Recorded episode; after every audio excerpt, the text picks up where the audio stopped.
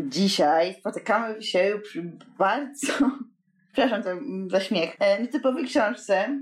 Mianowicie jest to książka, której nie jestem w stanie przeczytać, ale uważam, że doskonale o niej opowiadam. Znaczy, e, działa na mnie lepiej niż melatonina, ponieważ e, czytając tę opowieść maksymalnie, naprawdę, naprawdę już na wielką bezsenność cierpiała do dziesiątej strony i już mnie nie ma. Mam tu na myśli nadniemnym Elizy Orzeszkowej. Proszę nie rzucać y, nie wiem, rzutkami, nie robić tarczy z Elizy Orzeszkowej. To nie jej wina. Ona jest w tym doskonała, co robi, dlatego jest to takie straszne. Nadniemnym jest powieścią tendencyjną, a też powieścią realistyczną. Tendencyjna oznacza to, że e, realizuje mm, jakieś hasło epoki, e, czyli że może by z całej powieści wysunąć jeden wniosek, taki jak na przykład praca uszlachetnia. I to właściwie tak możemy podsumować nadniemnym. Druga sprawa to ten realizm. Przypomnę, że ona była kobietą, co nie oznaczało, że będzie łatwo. Mimo tej emancypacji, e, mimo tego, że ona pisała mnóstwo tekstów teoretycznych, to ona się musiała bardziej starać w tym realizmie i hasłach epoki niż jakikolwiek męski pisarz. Dlatego, jak e, mm, Fama mówi, będziemy mieć dziesięciostronicowy opis liścia. Dlatego jest to po prostu trudne.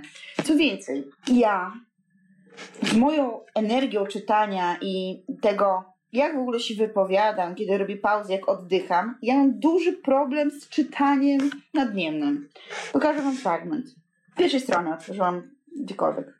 Równiny przeżynały drogi białe i trochę zieleniejące od rzadka porastającej je trawy. Ku nim, niby strumienie ku rzekom, przebiegały pól miedze, całe błękitne od bławatków, żółte od kamiony, różowe od dzięcieliny i smułek. Z obu stron każdej drogi szerokim pasem bielały bujne rumianki i wyższe od nich kwiaty marchewnika. Stały się we trawach fioletowe ruchole, żółtymi gwiazdkami świeciły brodawniki i kurze ślepoty. Liliowe skabiozy polne wylewały ze swych stulistnych koron miodowe wonie. Chwiały się całe lasy słabej i delikatnej mietlicy. Kosmate kwiaty babki stały na swych wysokich łodygach rumianością i zawadiacką postawą, stwierdzając nadaną im nazwę kozaków. Ja już tam trzy razy potrzebowałam oddychać i jak ja to czytałam, to nigdy nie wiedziałam, o czym czytam. Naprawdę wiele, wiele razy potrzebowałam na nadniemnym. I nigdy nie było to od deski do deski. To były opisy roślin na razie tylko. Za tymi pasami roślinności dzikiej cicho w cichej pogodzie stało morze roślin uprawnych. Żyto i pszenica miały kłosy jeszcze zielone, lecz już e, osypane drżącymi rożkami, których obfitość wróżyła urodzaj. Niższe, znacznie od nich rumianym kwiatem gęsto usiane, słały się na szerokich przestrzeniach liściaste puchy koniczyny. Puchem też, zda się, ale drobniejszym, delikatniejszym, z zielonością tak łagodną, że oko pieściła. Młody len pokrywał gdzie niegdzie kilka zagonów, a żółta jaskrawość kwitnącego rzepaku wesołymi rzekami przepływała po łanach niskich jeszcze osób i jęczmion. Jezu, te zdanie jest tak długie, że ja już po prostu już całą przeponę op- opróżniłam, z- y, nie mam już powietrza ani płuc. Ja nie jestem w stanie. Bym chciała, jeżeli ktoś z Was jest w stanie, to super. Nie chcę tutaj innego, ale to jest naprawdę wielka rzecz umieć tak pisać. Tylko ja nie umiem tak czytać. Po prostu. I gdzieś y, m- moja mama opowiadała, że kiedyś, wiecie, nie było jedynek w szkołach. Że za nadniemnem dostała jedyne, była kujonem, jedyne dwójki, to była najgorsza ocena, i to trzy, bo nie była w stanie przez to przebrnąć. Aż się już tak zapłakała, że musi to pokonać. Płakała nad książką i ją czytała i w końcu uznała, że to było piękne. Bo historia jest piękna. Nie jest, jak widzicie, y, to łatwa mm, powieść i nie jest przystępna dla czytelnika. Ja myślę, że to jest jakaś forma zbrodni na czytelniku. E, Tak dzisiaj o tym mówię, chociaż e, no, szkoda mi Rzeszkowej, bo bardzo ją polubiłam, znając jej biografię i wiedząc, e, co e, ją, ją determinowało w jej działaniach. Ale jednocześnie tak, to jest taka dziwna relacja, bo ją kocham i nienawidzę. Na szczęście już nie jestem e, w liceum i nad nim nie jest podstawie programowej. A było. I czy a było to przeczytać oczywiście. Tak jak sami rozumiecie, jak ludzie cierpieli. Prostu to była naprawdę wielka męka. Znowu mamy książkę, która była wydawana w, e, w odcinkach w tygodniku ilustrowanym w 1887 roku. E, Wydanie książkowe było już z 1888 i na czas akcji to są właśnie jakieś lata 80., czyli tak jak w lalce. Dzisiaj znajdujemy, znajdujemy się na Grodzieńszczyźnie i jest to historia dwóch rodów. Powiedzieć, że to saga rodzina to za dużo. Ale na pewno wszystko to się dzieje na kanwie wydarzeń po powstaniu styczniowym. 20 lat po powstaniu styczniowym. Więc to powstanie styczniowe będzie dla Was takim ważnym akcentem, bo na przykład tutaj się pojawi e, motyw legendy, motyw mogiły tych bohaterów, e, którzy jednak przez wspomnienia e, będą łączyć dzisiaj zwaśnione rody. To znaczy, zarówno w jednej rodzinie, czyli w rodzinie Korczyńskiej, jak i w drugiej rodzinie Bohatyrowiczów, ktoś zginął w powstaniu styczniowym i zostanie pochowany w mogile zbiorowej w lesie. I to będzie coś, co będzie łączyło tych ludzi, czyli historia. Więc y, już chociażby to jest dość y, ciekawym zabiegiem. Myślę, że daje duże pole do popisu, jeżeli chodzi o, o, o fabułę tworu. Dobrze to jest zarysowane. No i te wydarzenia historyczne będą e, nieustannie obecne w życiu bohaterów, właściwie w każdej ich rozmowie. One gdzieś będą determinowały ich losy. I że czas powstania, 20 lat temu, to był też taki czas świętości, czas sakrum, bo tam wtedy triumfowały idee braterstwa, równości i demokratyzmu. I ludziom się wydaje, wydawało, że idą do Arkadii, że oni sprowadzą. Wszystkie te teksty teraz się trudno czyta przez sytuację aktualną. Wydawało się im, że przyniosą, że jest jakaś nadzieja, że e, poprawią świat, że wszyscy będą połączeni miłością przyjaźnią, dosłownie. I wtedy może się wydarzyć ta miłość szalona tutaj Marty, czyli y, szlachcianki z domu, z domu Korczyńskiej i Anselma, zwykłego wiejskiego chłopa. I to, że ci ludzie wtedy nie mieli podziałów, że się odwiedzali, e, ci w tym dworku, ci z tymi chłopami i razem poszli e, do walki i nawet nie płakali przy rozstaniu ze swoimi ukochan ukochanymi kobietami, ci, ci, ci mężczyźni, bo oni wiedzieli, że zaraz wrócą. No i wszyscy zostali pochowani w zbiorowej mogile. Więc jest wielka nadzieja, wielka chęć nowego świata i wszyscy w to wierzą, że w końcu jest bunt, w końcu sprzeciwimy się terowi, coś się nam uda. No się nie udaje. No i teraz y, 20 lat później ci, co przeżyli, chociażby główny bohater, y, czy drugi y, męski bohater główny, czyli Jan Bohatyrowicz, y, od 20 lat, czasu powstania, no, y, nie widział swojego ojca, chociażby. Wiele osób tam, jeszcze będzie taka postać jak Andrzejowa Korczyńska, też nie będzie widziała od czasu powstania swojego męża, więc wszyscy tutaj są y, gdzieś tam kogoś stracili, tak? To jest już społeczeństwo po stracie. I okazuje się, że przez ten ból chociażby e, rodzą się nieporozumienia. I zarówno dworek, jak i e, ten zaścianek e, żyje w konflikcie. I to jest taka po prostu niechęć, która jest nienazwana. Po prostu się ją czuje. Głową rodu Korczyńskich, tych z dworku, będzie Benedykt. On głównie będzie skupiał się na własnych interesach, ponieważ e, zauważy, że no politycznie jesteśmy w takiej sytuacji w kraju, e, że ta polityka antypolska jest coraz silniejsza, więc on nie może stracić pieniędzy, więc głównie będzie interesował się tylko tym, żeby zdobywać taki kapitalizm. No, będzie zdobywał po prostu pieniądze. I będzie pogardzał też tymi chłopami i nie będzie o nich myślał. Będzie dużo rzeczy robił ich kosztem. Nawet w założy pro, czy y, poda ich y, do sądu będzie proces y, na tych chłopów. To wam teraz wymyślę. Prawy te wszystkie będzie starał się e, naprawić młody e, człowiek z tego rogu, rodu, czyli Witold.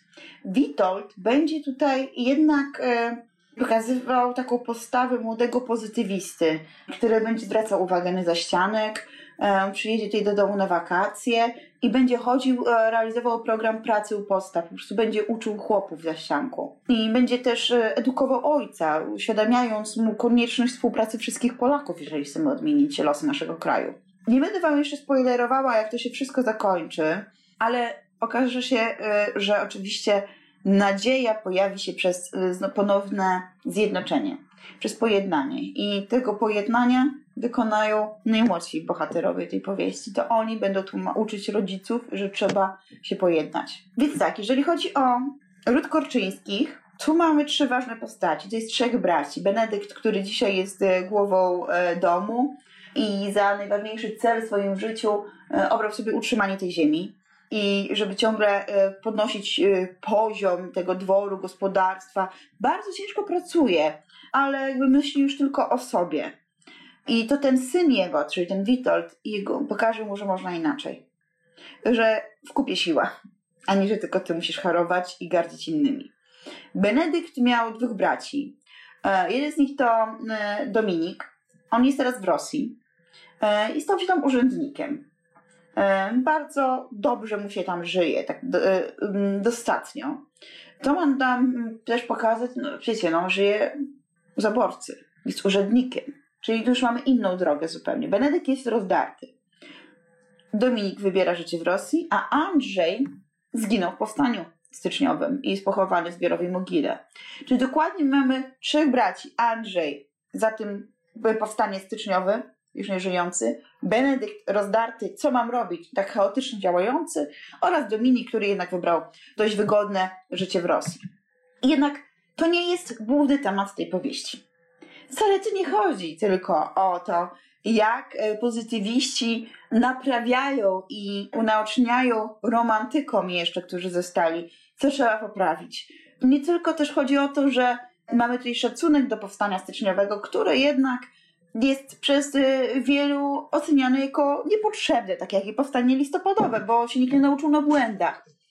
Mamy tutaj ten e, ważny cel trzymania się ziemi, że to jest patriotyzm, bo jeżeli nie udało ci się zginąć w walce w powstaniu styczniowym, to trzymaj tę ziemię, żeby ci Ruscy jej nie zabrali. Nie? Że to jest jakaś... I ten Benedykt właśnie w ten sposób działa, tylko że zapomina o innych, o innych ludziach po prostu. Więc szlachta musi być skupiona wobec ziemi. Pamiętacie, czym jest zubożała szlachta, jak Wokulski żył z wiecznym kompleksem. Nie? Bo mu zabrali, więc ten Benedykt tak histerycznie będzie trzymał się tych e, ideałów, że muszę dbać o to, co zostało tylko nam ale jednocześnie, mm, bo ci chłopi, których tutaj nazywam chłopami, to nie są tak naprawdę chłopi, to jest zaścianek. Czyli to też jest gdzieś tam kolejna grupa, oni są znacznie niżej niż ta szlachta ziemiańska, ale oni nie są totalnie um, plebsem. To jest ciekawe, bo to pokazuje, że po prostu sytuacja polityczna sprawia to samo, co się dzieje z Wokulskim w Warszawie, że on musiał zostać kupcem. Tak oni musieli schłopieć i zająć się rolą. I przestało ich e, interesować, że mają szlacheckie rodowody, po prostu codziennie od rana, od świtu do nocy wstają i kładą się skórami i ciężko pracują. Jednocześnie ta powieść też pokazuje, jak trudne są e, sprawy anty, e, antypolskiej polityki zaborców, e, jak duże, jak trudno jest utrzymać to gospodarstwo. Dopiero ten Witold Korczyński przyjdzie tutaj jako ten syn, ten młody po studiach, i on pokaże, jak można to wszystko odbudowywać. A teraz przejdę do tego, co jest dla nas ważne w tej powieści. In, inny wątek. To była taka fabuła, powiedzmy, e, ekonomiczna, sytuacji historyczno-ekonomicznej. E, a teraz powieść zaczyna się od tego, że przez pola leci na czarno ubrana kobieta, wygląda jak obłąkana. To jest Marta. I my już czujemy, że ona jest samotna, że ona jest romantyczką. I ona stanie się powiernicą. Stara panna, która wygląda i czuje się, jakby była przegrana w swoim życiu, dlatego że mm, nie miała odwagi związać się z mężczyzną, którego kochała i została po prostu sama. I usługuje żonie Benedykta Korczyńskiego, Emilii. Emilia nieustannie cierpi na globus. Globus to jest migrena. I prosi tylko Martę, żeby o, poczytaj mi romanse. I leży cały czas na kozetce i generalnie nieustannie głowa boli i ona nic nie będzie robiła. I och, byśmy chcieli tutaj taką piękną altanę. Jest odklejona kompletnie, jest trochę jak Łęcka.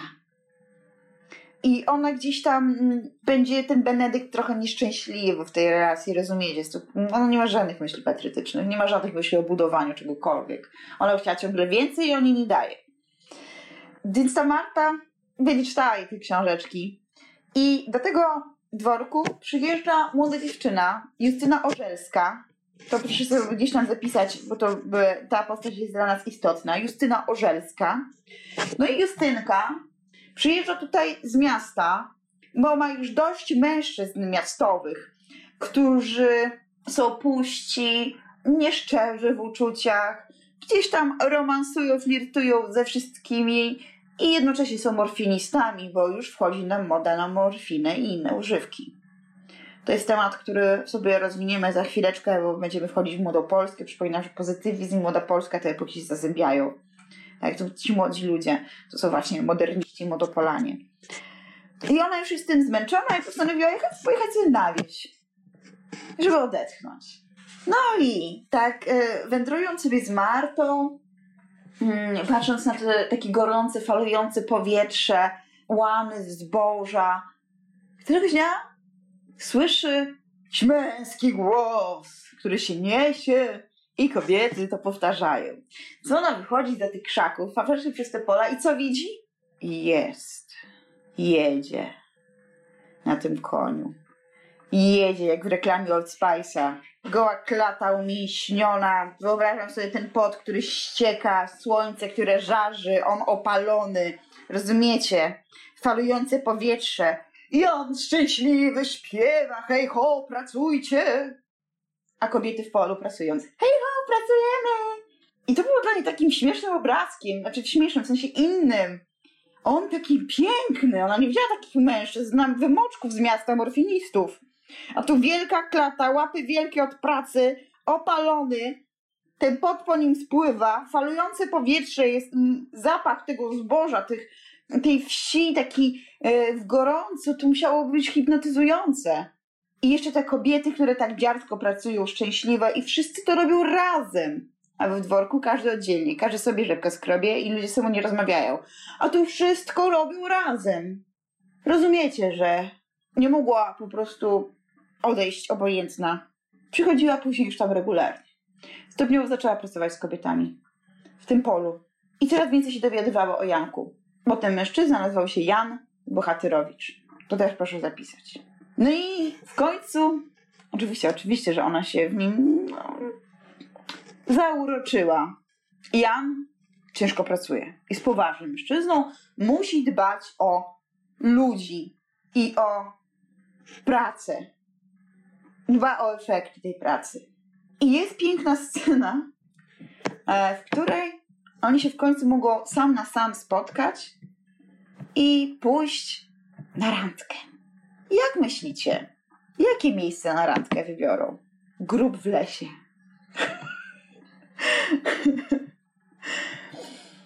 um, tak. Oczywiście, y, pomijając y, to, ile tam dostaniemy mm, informacji o nich, co tam się między nimi dzieje, o czym rozmawiają, to słuchajcie, na takiej randce to nie jest romans. Wcale to, to, to książka nie jest romansidłem. Nie będzie słodko pierdząco, proszę o wybaczenie, ale y, o, określenia. Ale on będzie bardzo taki poważny. Będzie się starał, żeby ona się wzruszyła i poczuła jakąś cześć do tych, którzy zginęli. I tu mam taki fragmencik tylko. Nie wiem, czy dam radę go przeczytać. Niech pani przed siebie patrzy powtórzył Jan. To, co jej ukazał, było rozległą polaną czy łąką leśną objętą regularnym, ściśle zamkniętym kołem falistych wzgórzystości, po których pieły się i spływały coraz gęściej, tłoczące się i plączące z sobą stare sosny, jodły i młode zarośla. Miejscami szerokie, aż do ziemi opuszczające się gałęzie jody, ubijające dookoła nich mnóstwem sęków, zjeżone i girlandami szorstkich widłaków oplątane młode zarośla jodłowe tworzyły długie ściany i grube kolumny zieloności tak ciemnej, aż prawie czarnej.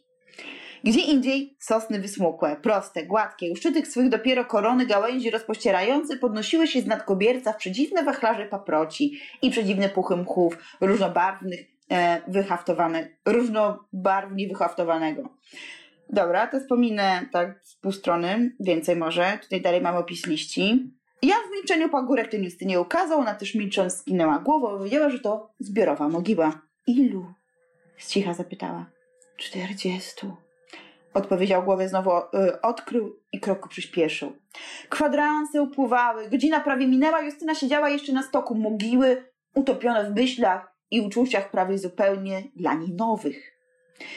Dziecko czasu ciągnęło się za pasmem ciężkich i szarych najdalszych wspomnień nie sięgała ona żadnej z tych ognistych i strzelistych chwil, które serca nawet maluczkich obejmują pożarem, rzucają w górę. Kolebka jej stała już katakumbie, na napełnionej zmrokiem i milczeniem, pośród których szemrały tylko nisko, nisko przy ziemi krzątające się interesy powszechne i jednostkowe rozległy się wzdychania i jęki podobne tym, które wydają wiatry w ciasnych przestrzeniach zamknięte.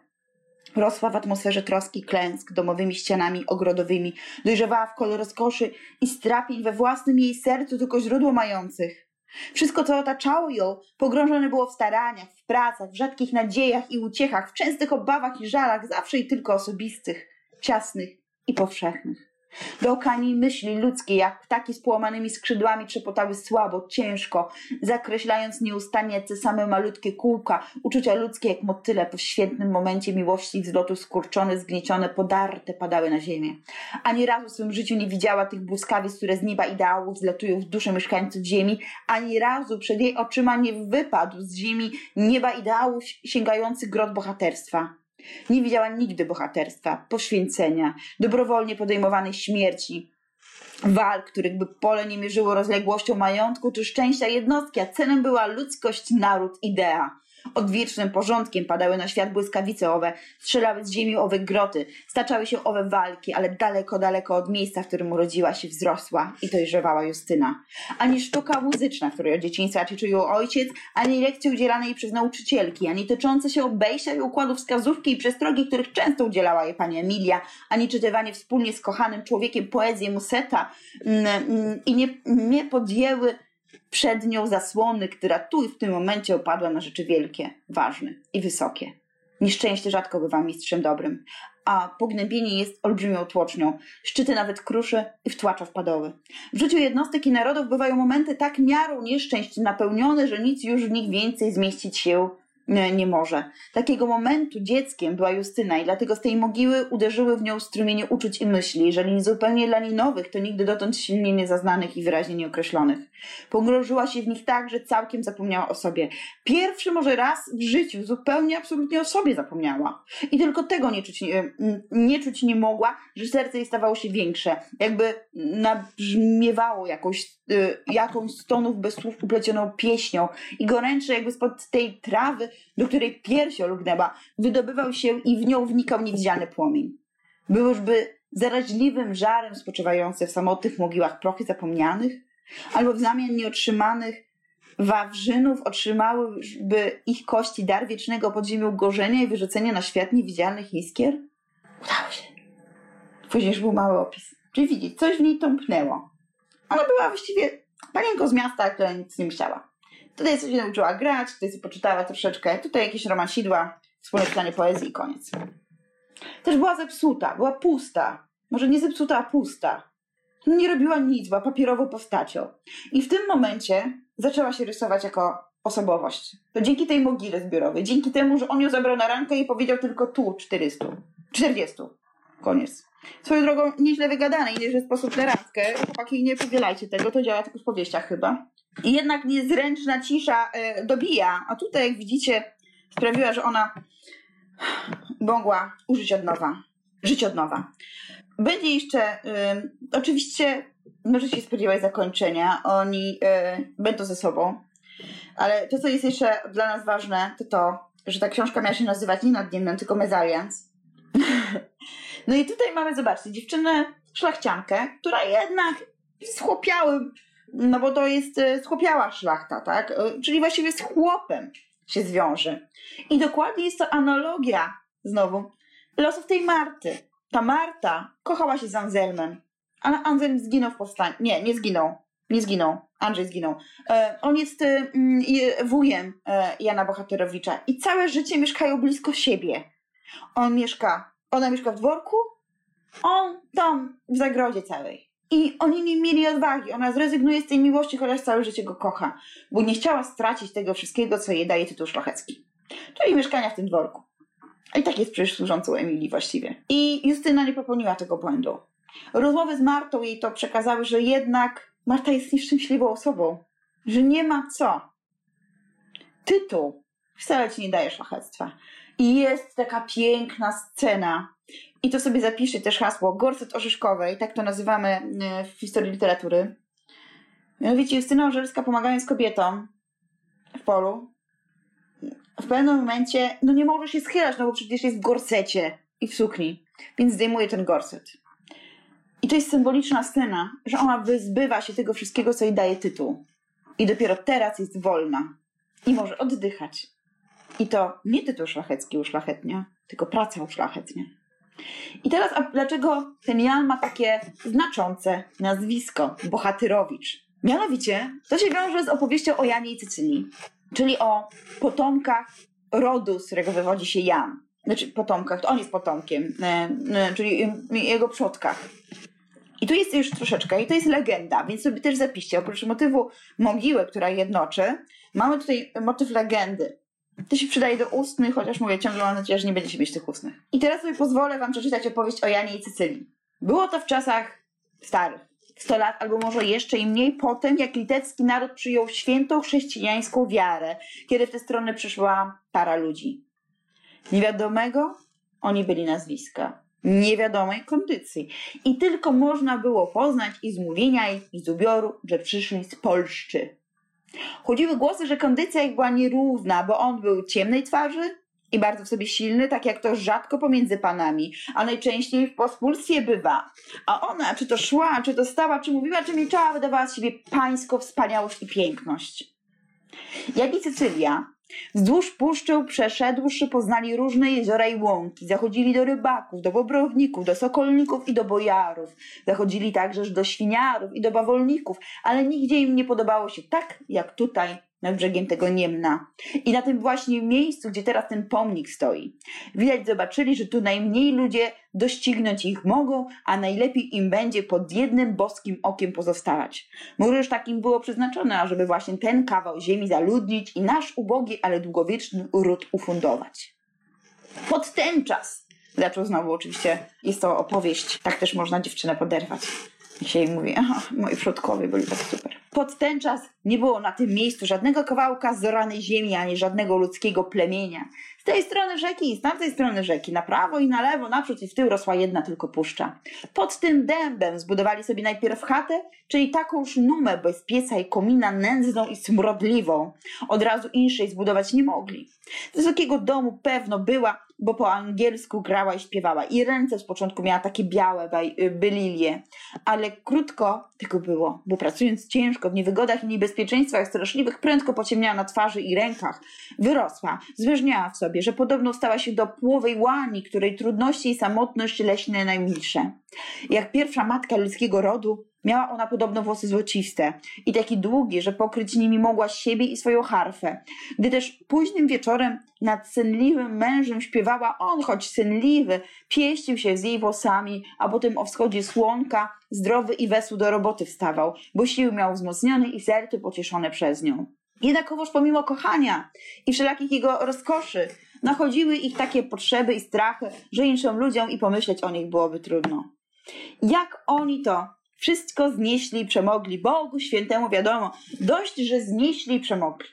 Już to jest pewne, że żaden człowiek siły swojej nie zna, nim jej w potrzebie z siebie nie dobędzie. Prawda i to, że wiele rzeczy i stworzeń pod ten czas człowiekowi do pomocy stawało. Narzędzia to wszelakich robót i myślistwy przynieśli z sobą albo różnym sposobem zrobili sobie, dobre i mocne. Rozdawał dzikie jabłka, orzechy, jagody i grzyby. Do rzeki po napój przybiegały jelenie, daniele i sarny, które stąd wielkich łatwo ubijać było. U góry żył lud wiewiórek, a u dołu w gęstinach skrywały się mnogość zajęcy, łasic i kun. W wodach mieszkały wydry i bobry, domki sobie budowały. A trzeba było tylko wędeł, sieć albo oszczep w rzekę zanurzyć, ażeby z niej wyłowić tyle ryb różnych, jakich już teraz wcale ona nie ma.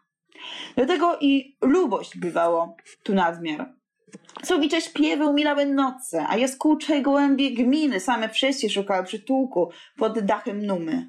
Może dwadzieścia roków minęło im w tej męce, kroplami rozkoszy słodzonej aż po puszczy puściły się pogłosy o tej parze ludzi z przemyślnością swoją i krwawą pracą kawał, kawał duży lasu wyplenili, zboża nasieli i innych różnych roślin nasadzili, że dom sobie zbudowali, widny i czysty, z którego też dym przez komin wychodził, że nabyć u nich można niektórych takich rzeczy, których na szeroki okół nikt jeszcze nie miał. Sześciu synów i sześć córek urodziło się im i wyhodowało nad brzegiem tej wody. W cienistościach tej puszczy pod okiem jednego Boga. 80 lat albo może i więcej przyminęło od tego dnia, kiedy Jan i Cecylia pierwszy raz na tej ziemi nogi swoje postawili. Aż jednego razu, że to jest legenda, aż jednego razu znaleźli się tacy ludzie, którzy samemu królowi donieśli, jakie to dziwy dzieją się gdzieś dziś w kraju litewskim, najgorętszej puszczy nad samym brzegiem Ciemna, najgęstszej nad samym brzegiem Niemna. Panował pod ten czas ostatni Jagiellon, dwoma imionami, Zygmunt i Augusty nazywany. Jechał jechał, jechał i jechał, a panowie za największym z panów jechali, aż raptem zobaczyli jakoby koniec puszczy. Aż tu wszyscy wyjechawszy z lasu stanęli, o czym własną wiary nie dając tam, kiedy dawniej panowała dzicz dziewiasta, bezludna i głucha, srogim zwierzom tylko przytułek dająca, leżała wielka równina, żółtością ścierniska po zerżniętym zbożu pozostawała okryta. Na ściernisku, by wysokie domy lub też by słupy z pozwężanymi wierzchołkami stały sterty wszelkiego zboża. Sto par wołów orało pole pod przyszły zasiewek, a wśród pola na gładkich łąkach hasały stada obłaskawionych koni, pasły się trzody krów ryżych i białych owiec. Wedle królewskiego żądania wnet stać się musiało. Z najpiękniejszego domu synowie i córki, wnuki i prawnuki wyprowadzili parę rodzicielców. Więcej niż dwustuletnie te starce szli same przez się, niczyje pomocy nie potrzebując, w śnieżystych, płótnianych sukniach, by dwa gołębie, jedno przy drugim. On opierał się na toporze w długim kiju oprawionym. Ona, siwiałe włosy po pas rozpuściwszy, głaskała biegnącą przy niej sarenkę. Kiedy już wobec króla stanęli, wszyscy zdumiewali się, bo król kołpak swój zdjąwszy z głowy, powiał nim przed starcami tak nisko, że z brylantowego pióra sypnęły się gwiazdy. Kto ty starczy? Zapytał Jana. Odkąd przyszedłeś, jak zowiesz się i z jakiej kondycji tu chodzisz? Starzec jak przystało, pokłoniwszy się królowi, śmielo odpowiedział. Przyszedłem tu od stron onych, których nie, mm, którymi przypływała Wisła. Nazwisko swoje oznajmię tylko jednemu Bogu, kiedy przed y, świętym sądem jego stanę. Kondycja moja nisko była, Pokąd do puszczy tej nie zaszedłem, gdzie wszystkie stworzenia są zarówno dziećmi powszechnej matki ziemi. Z gminy pochodzę i pospolitakiem na ten świat przybyłem. Ale oto ta pani i małżonka moja z wysokiego domu wstąpiła, aby moje wygnańcze życie podzielać. Wtedy król odwrócił się do Jana. Ty, starcze, wedle własnego żądania bezimiennym ostaniesz i jakeś się urodził, tak w grobie legniesz pospolitakiem. Ale żeś był bohatyry, bohatyrem mężnym, który tę oto ziemię dzikiej puszczy i srogiem zwierząt odebrał, a zawojowawszy ją nie mieczem i krwią, ale pracą i potem, piersi dla mnogiego ludu otworzył, a przez to ojczyźnie bogactwa pomnażając przeto dzieciom twoim, wnukom i prawnukom, a że najdalszych pokoleń samego wygaśnięcia rodu twego nadaje nazwisko od bohatyrstwa twego wywiedzione. Tu z prawicą wyciągniętą nad zdumiałym ludem król donośnym głosem powiedział Oto ten ród, idący od człowieka z kondycji pospolitego urodzenia, idzie w porównanie ze szlachtą rodowitą krajową i wszystkich praw stanowi rycerskiemu odpowiednik odtąd aż do wygaśnięcia swego używać majtakowe wykonywać. Nobilituje was i nakazuje, abyście nosili nazwisko bohaterowiczów, a pieczętowali się klejnotem pomiar, który jest żubrzą głową na żółtym polu osadzoną. Jako pierwszy rodziciel wasz pokonał żubra i z odwiecznego jego siedliska uczynił to wdzięczną obfitością cieko, ciekące pole. W tym miejscu umilkł opowiadający. Wyprostowano teraz postać jego z wielką czapką na tym głowy, nieco zsuniętą w, wypukle, odrzynała się od wysokiego złomu kamienia, a rękę w górę podnosił i słychać było, jak szeroko i głośno oddychał. Po chwili wymówił jeszcze. Działo się to w roku, na tym pomniku wypisanym, tysiącznym, pięćsetnym, czterdziestym dziewiątym. W zmroku naprzeciw umilkłego Anselma widać było dwoje ludzi siedzących blisko siebie, pomiędzy cieniami sosn- e, cienkimi sosnami na pniu balonego drzewa. Kobieta puściła ręce na kolana, mężczyzna twarz oparł na dłoni. Słuchali jeszcze, czekali.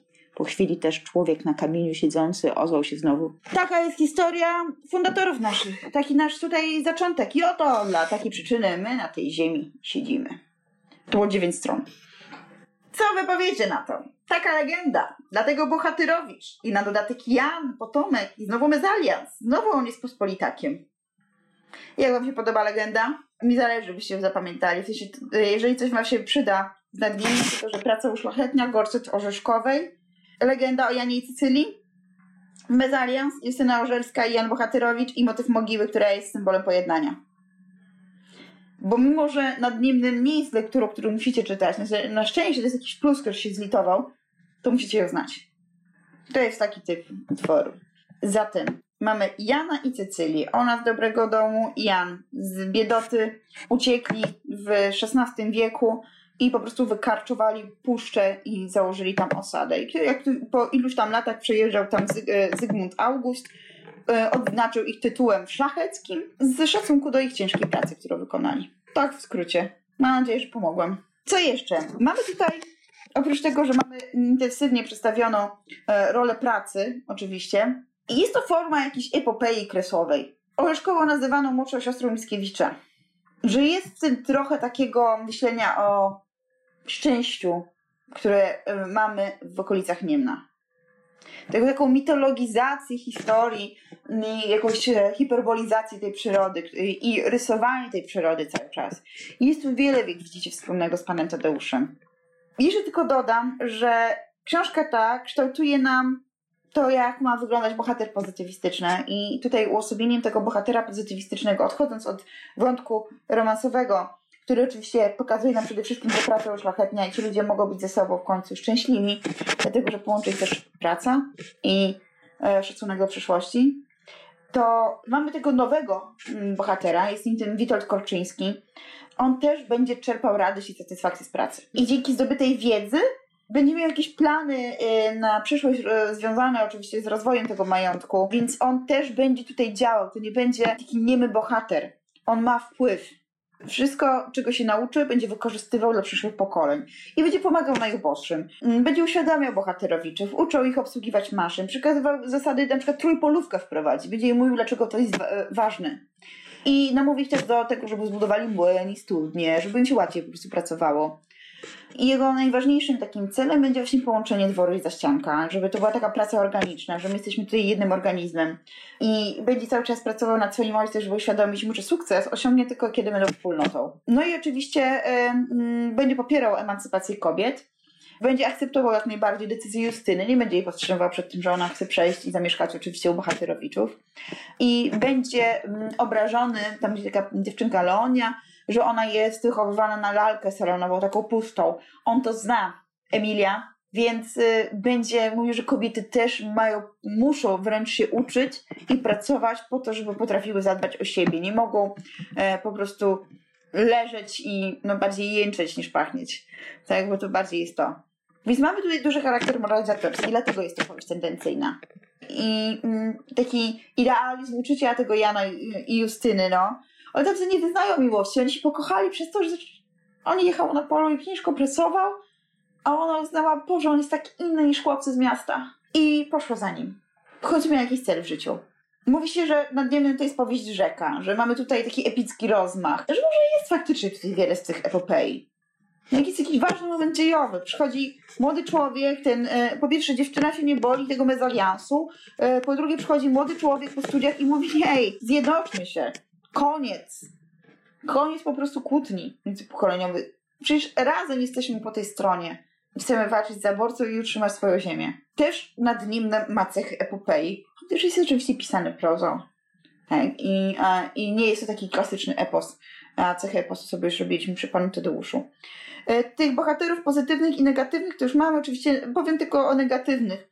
Negatywna jest ta Emilia Korczyńska, która właśnie ma ten e, globus hystericus, cały czas na to cierpi. I żąda od, e, od Benedykta nieustannie pieniędzy, chce urządzić buduar, jest wiecznie niezadowolona, wiecznie ma pretensje do losu, że wyszła zamąż za człowieka, który nie jest bogaty i poświęca się pracy. Mamy tego Zygmunta Korczyńskiego, będzie zrozumiały, mm, bo to jest jeszcze ciekawa rzecz, bo ta Justyna, ona nie tylko ma, bo to, a Jezu, nie powiedziałam. Oczywiście to było za proste, gdyby Justyna przyjeżdżając, przyjeżdżając na wieś spotkała Jana i od razu koniec. Nie, nie, nie, tam jest trzech facetów. Ona musi wybrać. Rozumiecie ten dramatyzm? To takie teraz, pomyślę sobie, nie wiem, na wspólnej czy coś takiego, nie? Barwy szczęścia, nie wiem, nie oglądam żadnych z tych rzeczy, chcę powiedzieć, że to musi być dramatyzm. Ona ma trzech. Jeden to Jan Bohatyrowicz. No chłop, no. Ta opalona skóra, umieśniony, no ale chłop. Mezalians. Zygmunt Korczyński. Malarz, wykształcony za granicą. Yy, nie może w ojczyźnie znaleźć natchnienia. A co, wie, wie, wieraczka mi akurat biega za oknem. Bardzo pewny siebie i ma... Proponuje w każdym razie Justynie trójkąt. I nie ma żadnych e, uczuć patriotycznych, co rozumiecie w tamtych czasach to tak zaznacza negatywnie. No i generalnie wszystkimi gardzi. I Justyna będzie dla niego interesująca, jak wejdzie z nim w trójkąt. Małżeński na dodatek. I on ją nieustannie gdzieś tak osacza tymi swoimi sobą. Jest taki bardzo intensywny. No i jeszcze wszystkim gardzi wokół. Bo przecież on jest wykształcony za granicą. I jeszcze jest jeden e, ciekawy mężczyzna. Teofil Różyc. Bardzo bogaty. Przechulał jednocześnie już znaczną część majątku. To jest młody dekadent. Czyli już zapowiedź młodej Polski. Widzi jeden wielki katastrofizm, uważa, że nic nie ma sensu, życie nie ma sensu, nie ma żadnej przyszłości. Zatem mm, żyje taką apatią. On, y, mam wrażenie, że on się podnieca swoim nieszczęściem, że gdzieś go to nakręca, że jest takim tym bohatera. Szant nie jest nihilizm, on jest po prostu nijaki i smętny, więc będzie szukał w życiu sztucznych podmiot i on będzie morfinistą. On będzie po prostu tam ciągle naćpany, co też będzie jakąś taką formą, wiecie, to jeszcze wtedy nie jest, e, to jest jakaś forma też mody. I że dokładnie nikt nie wie, jakie są tego skutki, jak na to patrzeć. Cały modernizm e, z poczucia katastrofizmu będzie jedną wielką historią ludzkich e, uzależnień od różnych środków.